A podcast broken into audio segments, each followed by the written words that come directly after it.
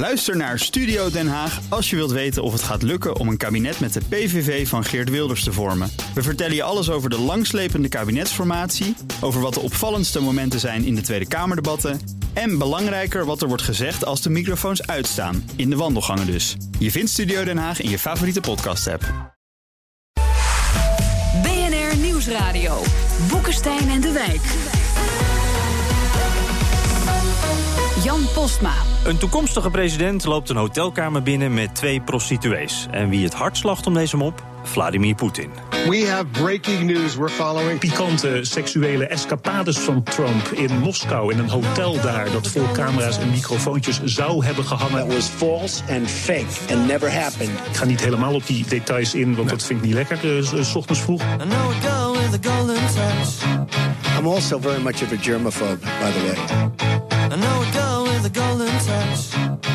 Ja, en wat zijn de gevolgen voor de relatie tussen Trump en Poetin? En wat zijn die twee eigenlijk van plan met Europa? Met ons dus. Welkom bij Boekenstein en de Wijk. Bij mij in de studio aan een uh, gouden douche. Zou hij zich nooit wagen, maar zijn kranen zijn natuurlijk wel van goud. Arend Jan Boekenstein. Vanuit Litouwen Rob de Wijk. En dat is half in de invloedssfeer van Poetin. Dus als die verbinding wegvalt, weten we door wie dat komt. En te gast, hij kent Rusland als zijn broekzak. En je kent hem van NRC en Raam op Rusland, Hubert Smeets. Welkom. En uh, laten we eerst maar eventjes naar Litouwen gaan, uh, Rob. Uh, je bent er op een congres met allerlei internationale experts. Gaat natuurlijk over heel serieuze dingen, dat snap ik, doen wij zo ook. Maar dat Trump-rapport, wordt dat daar nou ook wat besproken... of is dat eigenlijk niet interessant genoeg? Nee, het wordt niet besproken. Het is gewoon niet relevant hier. Uh, men zal het eigenlijk een worst wezen. Waar het wel over gaat, is uh, de pogingen die Rusland doet tot beïnvloeding van de NAVO. Tot het uit elkaar spelen van uh, de NAVO en de Europese Unie. Tot het uit elkaar spelen van Europa en Amerika. Daar gaat het wel over. En daar zijn grote zorgen over. En het gaat natuurlijk ook over de militaire opbouw die. Uh, Rusland aan het plegen is. Uh, door middel van, uh, ook door middel van, van oefeningen, het stationeren van raketten op Kaliningrad. dus de enclave van Rusland hier eigenlijk vlakbij, om de hoek om het maar zo te zeggen. Dat zijn de belangrijke discussies. Maar dit soort gedoe om een sekstape, daar maakt men zich hier absoluut niet druk om. En er zitten echt mensen bij die het van binnenuit meemaken op dit ogenblik in de Verenigde Staten. Die ook gewoon tegen het transitieteam van Trump aanzitten of er zelfs onderdeel van zijn. Ja, en, en we gaan het zo nog wat uitgebreider bespreken ook hoor. Maar, maar dat, hoe is dat gevoel daar in Litouwen? Hoe urgent is die angst voor Rusland of valt dat wel mee? Ja, dat is natuurlijk een, de hamvraag. En het interessante wat hier op dit ogenblik gebeurt, is een, is een nogal vreemde discussie. Als je. Hier is een hele stoet uh, minister van Buitenlandse Zaken Defensie langs uh, gekomen. Uh, die doen ook gezellig mee met alle discussies. Die hebben allemaal eigenlijk een soort van pep talk. Een soort optimistische praat van, nou ja, we hebben dit allemaal wel onder controle en het gaat wel goed. En wat je continu ziet bij dat soort mensen, is dat ze zich vastklampen aan strohalmen. Hè. Als Tillerson, de beoogde minister van Buitenlandse Zaken, iets roept in de Senaat tijdens een hearing, waarvan ze zeggen, van god nee, dat is toch wel fijn voor, voor de NAVO. En ja, dit is uh, anti-Russisch, dan klampt men zich daar onmiddellijk aan vast. Dus Wat alles wordt echt dat... heel nadrukkelijk op de voet gevolgd daar, als ik het zo nou, hoor. dat is echt op, op de Kijk, als ze ergens uh, belangstelling voor hebben, dan is wat er uh, gebeurt op dit ogenblik in die, in die hearings in de Senaat. En niet natuurlijk die hele discussie over, uh, over die sekstapes en allerlei andere ja. vunzigheid die naar boven is gekomen. Maar de experts die zeggen, jullie zijn naïef. Jullie gebruiken het woord optimisme, want die politici gebruiken natuurlijk het woord optimisme om de havenklap. Maar het is een, een leeg iets. Het is een lege huls, jullie uh, optimisme. Nou, dat, daar gaan we het zo nog, uh, nog uitgebreider over en hebben. dat is het grote probleem. Uh, Arend Jan, wij willen toch even over die funzigheid nog hebben. En dan kunnen we die funzigheid zelf wel even links laten liggen. Maar wat nou dat exacte verhaal nou ook is met Trump? Hè? Is de toekomstige president hierdoor beschadigd? Het hangt er vanaf of het waar is. En dat weten we niet. En we weten dat die jongen van MI6, uh, dat hij dus uh, ontslag heeft genomen daar. En dat die nu leeft van dit soort uh, informatie op te, op te begraven. Maar je zou kunnen zeggen, er is een verhaal naar buiten gekomen. Iedereen heeft het erover. Het is al niet meer zo heel relevant of het nou waar is. Er is schade, toch? Tenzij, tenzij blijkt dat het allemaal onzin is. En dan uh, is het gewoon weer weg. Kijk, luister eens, laten we heel rustig blijven. Je bent toch werkelijk oliedom als je naar Moskou gaat... en je gaat daar plasseksbedrijven in een hotelkamer. Als je dat dan wil doen, doe dat dan thuis. ja, maar dat, dat geeft zoveel viezigheid natuurlijk. Uh, Smeets... Um, er wordt wel altijd ge- overal gezegd van, nou, dit, dit heeft wel de, de, de Russische vingerafdrukken. eh, eh, we- we- we- dus het, dit lijkt gewoon Rusland te zijn. Eh, deze vorm van chantage. Mhm. Ja, dat is vintage KGB. eh, vintage eh, FSB. Alleen het verschil is, en dat maakt het ook weer een beetje on, voor, onwaarschijnlijk. Of misschien moet je zeggen, moet je er sceptisch tegenover opstellen. Eh, tot nu toe waren dit soort dingen altijd alleen maar eh, van toepassing en werden gebruikt in Rusland zelf. Eh, een half jaar geleden, voormalige premier van, van Yeltsin en ook korte tijd van Poetin, die op die, die manier is uitgeschakeld. Poetin zelf heeft ooit een keer een, een procureur-generaal in 1998, 1999 met dit soort van tapes weten uit te schakelen. Dus dat maakt het een beetje onwaarschijnlijk dat ze dat nu tegen een, een, een buitenstaander zouden, eh, zouden gebruiken. Maar we weten niet wat er nog meer voor materiaal zou zijn verzameld Ja. tijdens die korte tijd dat hij voor Miss Universe in Moskou was. En één ding, um, uh, Aartjan Boekenstein zegt, doet het dan thuis. Dat is natuurlijk ik wil niet vervelend zijn, dat is nou pas een naïeve opmerking. Want um, mannen plegen dit soort dingen juist niet thuis. Dat is één. En twee... Goed inzicht. Ja, ja. en, en, en, en, en twee, uh, uh, laten we eerlijk zijn. Um, uh, ik, ik heb er een beetje gewoond in, in, in Moskou.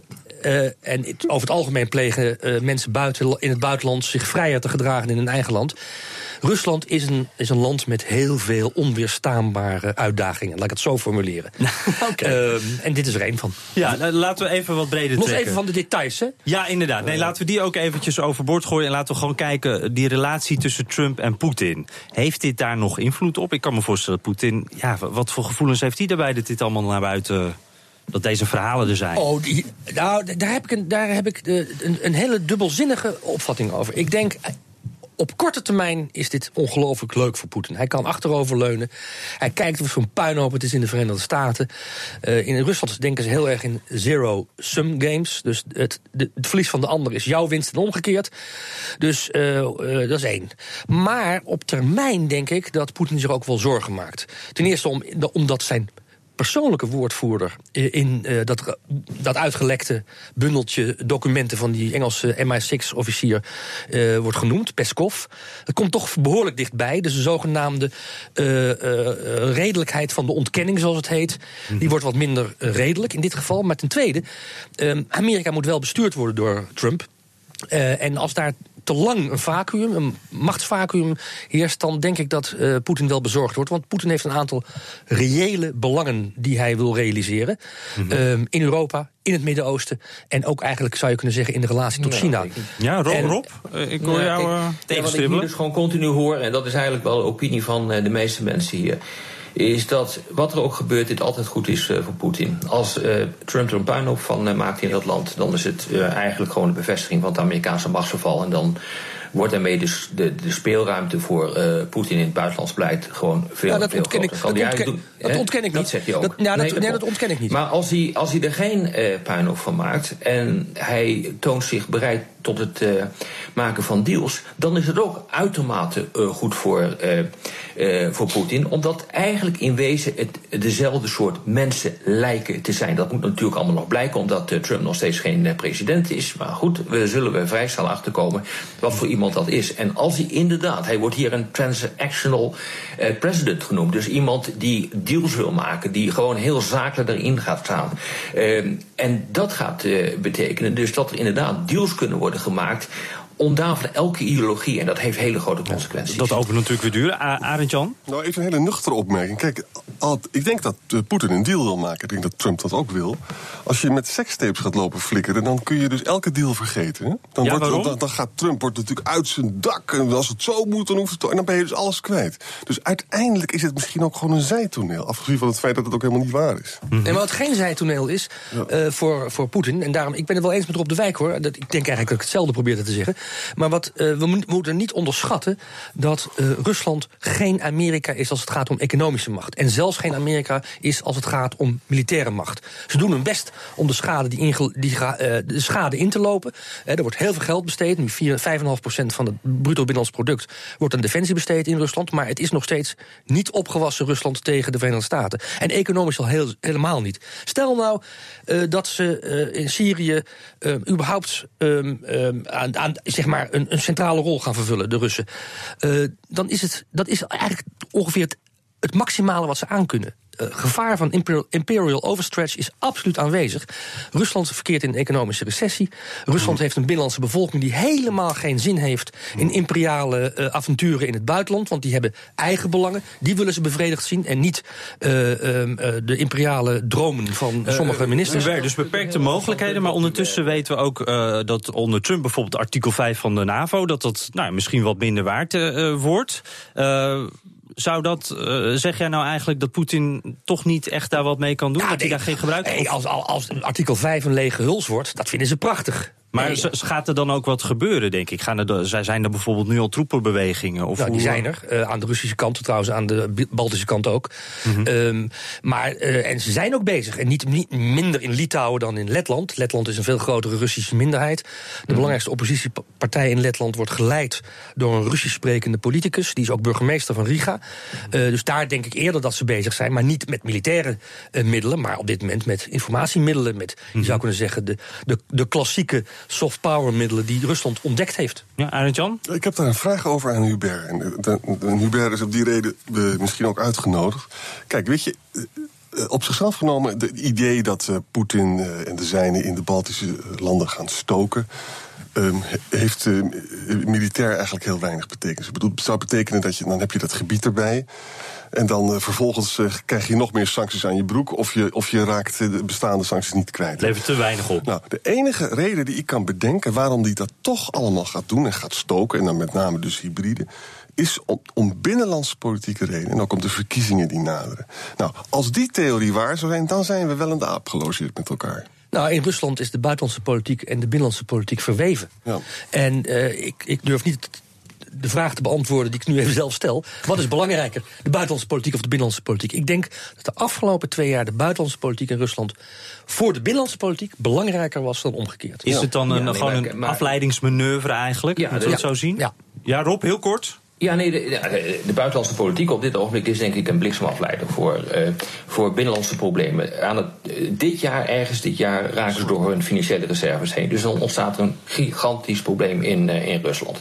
Daar wordt ook hier met angst en beven naar gekeken. En Hubert heeft het net al gezegd. Wat gaan die Russische minderheden in dit deel van, van Europa doen? Dat wordt heel erg goed gemonitord. Het probleem is dat die Russische minderheden zeer sterk georiënteerd zijn op die hele eenzijdige berichtgeving die uit Rusland komt. Dus daar moet iets tegenover worden gesteld. En dat lukt niet heel erg goed. Mm. Um, en dan vervolgens speelt daar doorheen de hele discussie over allerlei militaire capaciteiten en militaire scenario's. Dus er is wel degelijk wat, uh, wat aan de hand. En men is natuurlijk ontzettend bang dat wanneer inderdaad dat land intern in een enorme financiële crisis begint te raken, dat men zal proberen als een soort afleiding van al die ellende iets militairs te gaan ondernemen. Daar of dat allemaal gaat gebeuren, dat weten we niet. Nee, daar, daar gaan we zo nog even verder over praten. En dan ook komt Europa in de verdrukking als Amerika en Rusland elkaar innig omhelzen. BNR Nieuwsradio. Boekenstein en de Wijk. Als Poetin en Trump elkaar vinden, wat gebeurt er dan met Europa? Welkom terug bij Boekenstein en de Wijk. Hier in de studio natuurlijk Arend-Jan Boekenstein. Ook Ruslandkenner Hubert Smeets. En Rob de Wijk is onze vooruitgeschoven pion in Litouwen. Dat is dus pion, niet spion. Uh, Rob, jij zegt Trump en Poetin zouden wel eens Europa opnieuw uh, kunnen gaan verdelen. Een nieuw Jalta ja. eigenlijk. Wie zit er daar aan tafel en, en welke ja. landen worden dan verdeeld? Uh, nou ja, kijk, waar hierover wordt gesproken is een, uh, is een, nieuwe, ja, een nieuw Jalta-verdrag. In 1945 uh, kwamen tijdens de conferentie van Jalta de overwinnaars van de Tweede Wereldoorlog bijeen. Amerika, Verenigd Koninkrijk en Rusland. En om een lang verhaal kort te maken, maar het idee is daar ontstaan om Europa te gaan verdelen. Althans, dat wordt uh, zo uh, gedacht. Um, in ruil voor uh, Russische steun aan de, voor de oorlog in Japan, die Amerika aan het voeren is, en de oprichting van de VN, heeft eigenlijk Rusland, zo wordt gedacht, de vrije hand gekregen in Oost-Europa. In ieder geval, feit is dat er een deling heeft plaatsgevonden in Europa die tot het einde van de Koude Oorlog heeft uh, geduurd. Nu, op dit ogenblik, zien we een discussie ontstaan over wat ik dan maar noem een nieuw Jalta. Uh, oftewel een nieuwe deling in Europa. En hoe kan zo'n deling eruit uh, gaan zien? Nou, er wordt bijvoorbeeld afgesproken dat in ruil voor het feit dat de Baltische Staten nu eenmaal lid zijn van de Europese Unie en de NAVO, nou dat blijft zo, daar wordt niet meer aan getornd, maar dan moeten eh, eh, landen als Oekraïne, Georgië, Moldavië, eh, die moeten neutraal worden en die mogen absoluut geen lid worden van, eh, van de NAVO. Dat soort deals lijken eh, te kunnen gaan ontstaan. En als je dus kijkt naar de persoonlijkheden van eh, Poetin en Trump, dan zou zo'n deal best gemaakt kunnen worden. Hubert Smeets, zie je dat gebeuren? Een nieuw Jalta? Nou, ik denk dat eh, Trump en Poetin in die termen denken. Eh, maar wat doen we dan? Vraag aan Rob de Wijk, die zich nu even als woordvoerder van, eh, van, het, van het campagneteam Jalta 2017 op, 17 opwerpt. Eh, wat doen we met de Krim? Wat doen we met eh, Oekraïne in het algemeen? Ja, nou ja, dat is interessant. Dat is echt een interessante vraag. Eh, daar is ook over gesproken. Eh, wat we begrijpen uit het eh, transition team van, eh, van, eh, van Trump, is dat over de Krim niet meer wordt gesproken. De Krim wordt feitelijk verklaard tot bilateraal probleem van Oekraïne en Rusland. Ze zoeken het maar uit. Daarmee wordt de facto, de facto eh, wordt eh, de, eh, de annexatie van de Krim erkend, maar niet de jure, dus niet volgens de wet.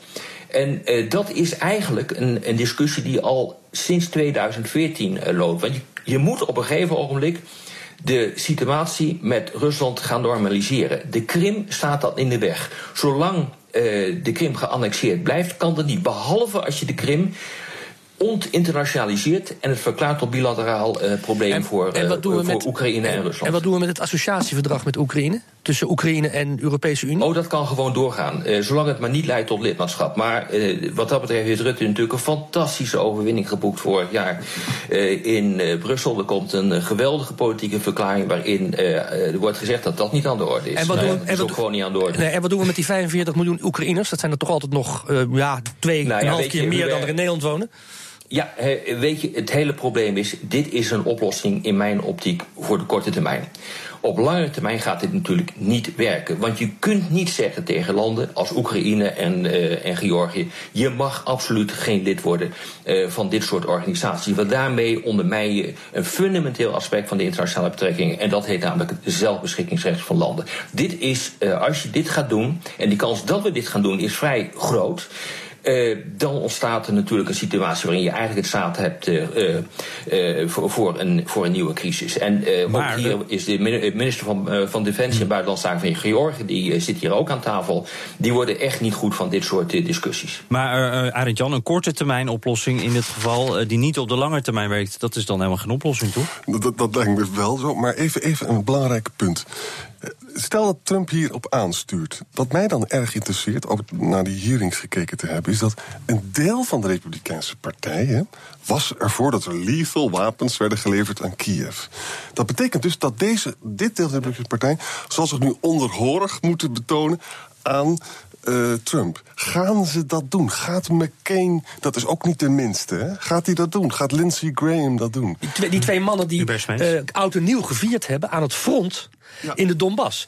Die daar in ongeveer half militaire uniformen een glaasje champagne dronken met de minister van Defensie van Oekraïne. Dus het is waanzinnig interessant om de komende weken te kijken wat hier gaat gebeuren. Eens, Hubert, jij, jij ziet ook een rol voor Canada in dit geheel, hè? Hoe zit dat? Nou, een van de ehm, eh, nieuwsfeitjes van de afgelopen week, wat een beetje ondergesneeuwd is geraakt in alle om- commotie over eh, de, de, de, de tapes over, eh, al dan niet bestaande tapes over Trump, is dat Trudeau, de premier van Canada, heeft een minister van Buitenlandse Zaken benoemd en die heet Chrystia Freeland.